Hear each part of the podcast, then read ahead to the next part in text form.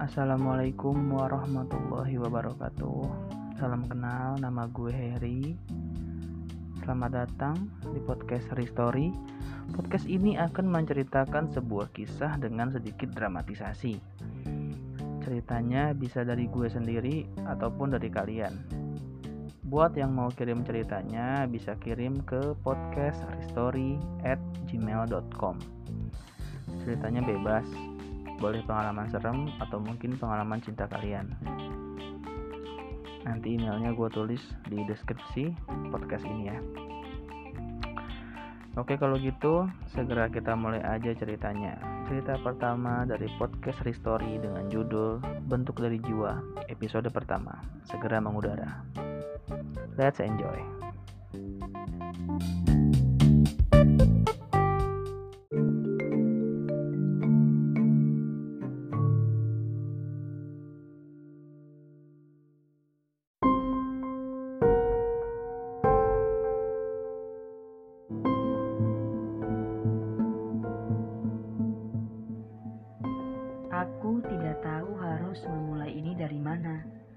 Sebuah perjalanan hidup yang membuatku jadi mengerti banyak hal, baik yang masuk akal maupun di luar itu.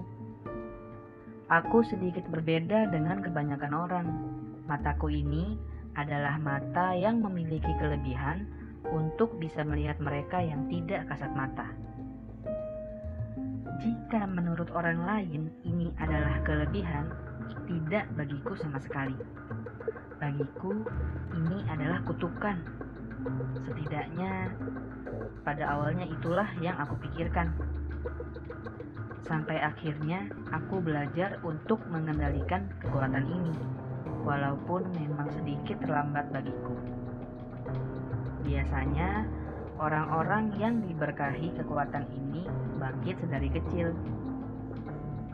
sehingga orang-orang terpilih seperti ini biasanya sudah bisa mengendalikan kekuatan ini jika sudah berada di usiaku sekarang. Oh iya, kita belum berkenalan. Aku Nurifa Putri Syahira. Saat ini aku kelas 2 SMA dan usiaku 16 tahun. Kekuatan ini bangkit padaku sejak beberapa bulan yang lalu. Sehingga jelas aku masih belum terbiasa dengan semua ini. Karena apa yang aku lihat dan rasakan amat berbeda dari yang kalian rasakan. Soal kekuatan yang tadi aku sebutkan, kalian bisa menyebutnya dengan sebutan indra.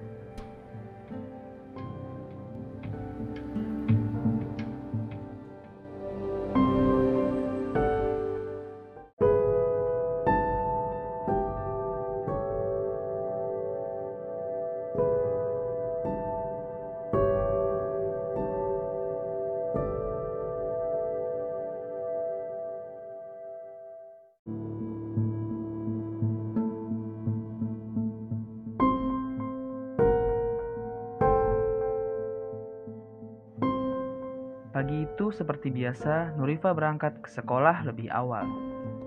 Dia menggunakan sepatu converse biru kesayangannya dan tidak lupa dia menggunakan sial merah yang hampir tidak pernah lepas dari lehernya itu. Nurifa memiliki rambut panjang yang sedikit melebihi bahunya. Setiap dia berangkat ke sekolah, dia selalu mengenakan sweater hitam yang agak tebal karena dia tidak kuat dengan udara yang dingin. Nurifa tidak suka terlambat. Dia adalah orang yang sangat tepat waktu. Jadi, jangan coba-coba terlambat datang jika kamu membuat janji dengan dia. Bisa-bisa kamu akan diceramahin, diomelin, sampai didoain seharian itu. Di perjalanannya ke sekolah, Nurifa merasakan ada hawa keberadaan yang sedang mendekatinya dari belakang.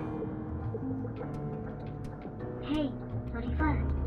Kata sosok di belakangnya itu. Nurifa kaget dan langsung menutup kedua matanya. Diva, ini gue tahu. Lo kenapa sih gitu terus?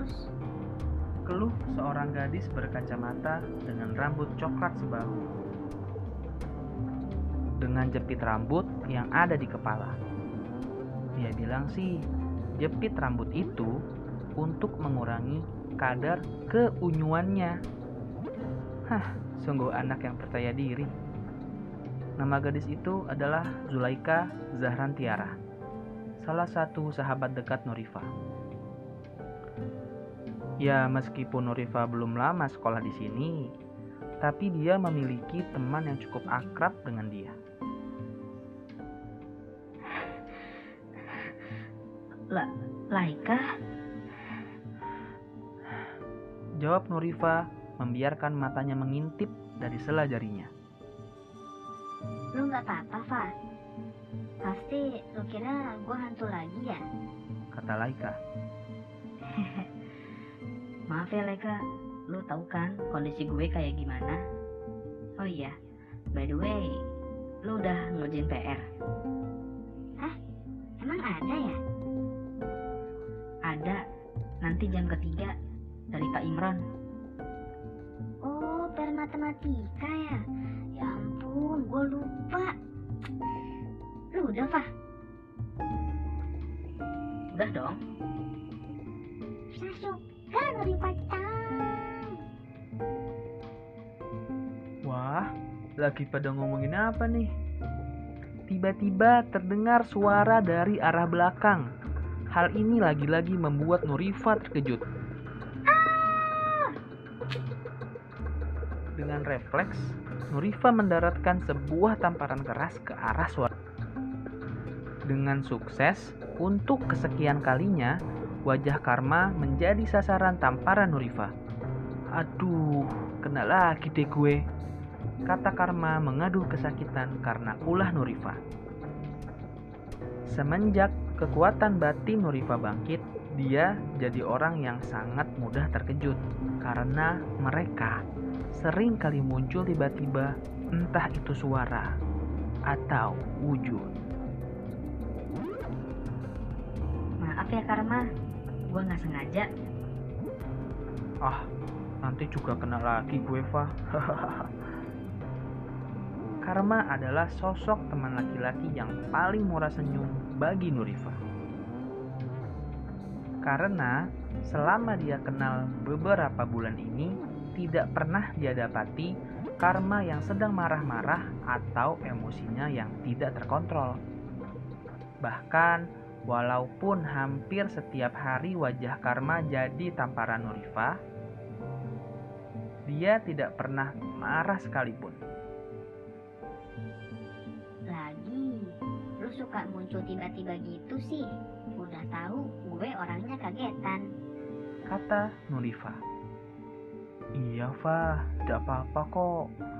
Gue tahu kok lu gak sengaja. Di sekolah ini, Nurifa hanya menceritakan soal kelebihannya yang dia punya pada mereka berdua, yaitu Karma dan Laika. Ternyata dua orang sejoli ini percaya akan hal itu. Kepercayaan mereka membuat tekanan pada diri Nurifa sedikit berkurang. Karena setidaknya dia memiliki tempat untuk berbagi ceritanya. Oh iya, Laika, ulangan nanti kita mau gede-gedean nilai lagi ndak? Tanya Karma sambil sedikit tersipu. Wah, boleh tuh Karem. Tapi harus ada hukumannya ya. Gimana tuh maksudnya? Tanya Karma bingung. Hmm, gimana kalau yang kalah harus nurutin satu permintaan yang menang? Eh, serius?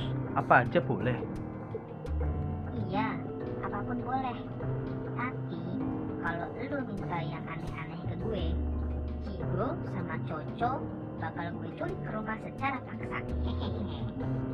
Ancam Laika pada Karma.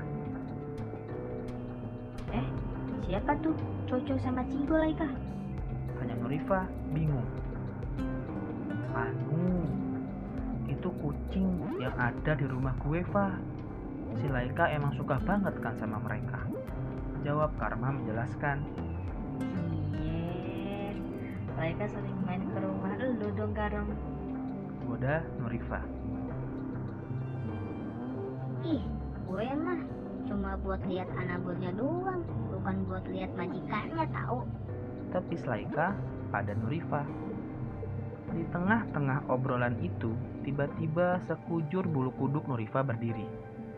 Dia merasakan ada sosok lain yang sedang memperhatikan mereka. Matanya berusaha mencari ke segala arah. Namun, dia belum bisa menemukan apa yang dia cari.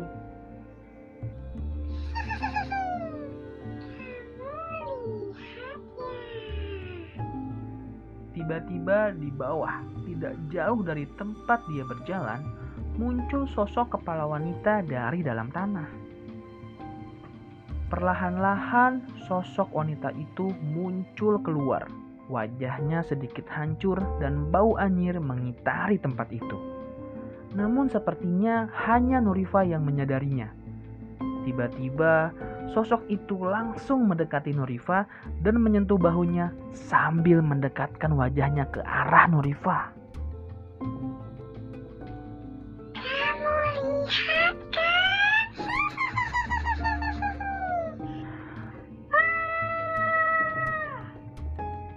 Nurifa berteriak kaget. Dia langsung saja dihampiri oleh Karma dan Laika dengan segera. Iva, lo kenapa? Apa yang lo lihat? Gue Lalu setelah itu, Nurifa pingsan dan tidak sadarkan diri. Setelah beberapa waktu kemudian, Iva tersadar. Dan saat itu, dia sudah berada di sebuah ruangan yang sepertinya cukup dia kenali. Ini Katanya sembari berusaha duduk dan menahan kepalanya yang masih agak pusing. ini di UKS sekolah pak. Tadi lo pingsan, terus digendong sama Karma ke sini. Jawab Zulaika. gue pingsan. Terus digendong sama Karma. Sambil Nurifa menengok ke arah pintu UKS yang ternyata memang ada Karma di sana. Dia menatap Nurifa dengan senyum di wajahnya seperti biasa. Karma hanya mengancungkan jempolnya tanda bahwa dia tidak merasa kerepotan tadi. Akhirnya Nurifa, Karma dan Nurifa pamit dari UKS dan berjalan menuju kelas mereka. Beruntung, Nurifa sudah sadar sebelum bel masuk. Jadinya dia tidak perlu ketinggalan jam pertama hari ini. Tapi ada sesuatu yang berbeda di wajah Karma. Ya, ada sebuah plester di sana. Dan karena penasaran, Nurifa pun menanyakan hal itu kepada Karma. Itu pipi lo kenapa Karen? Tadi pagi kayaknya nggak ada plester deh. Oh, ini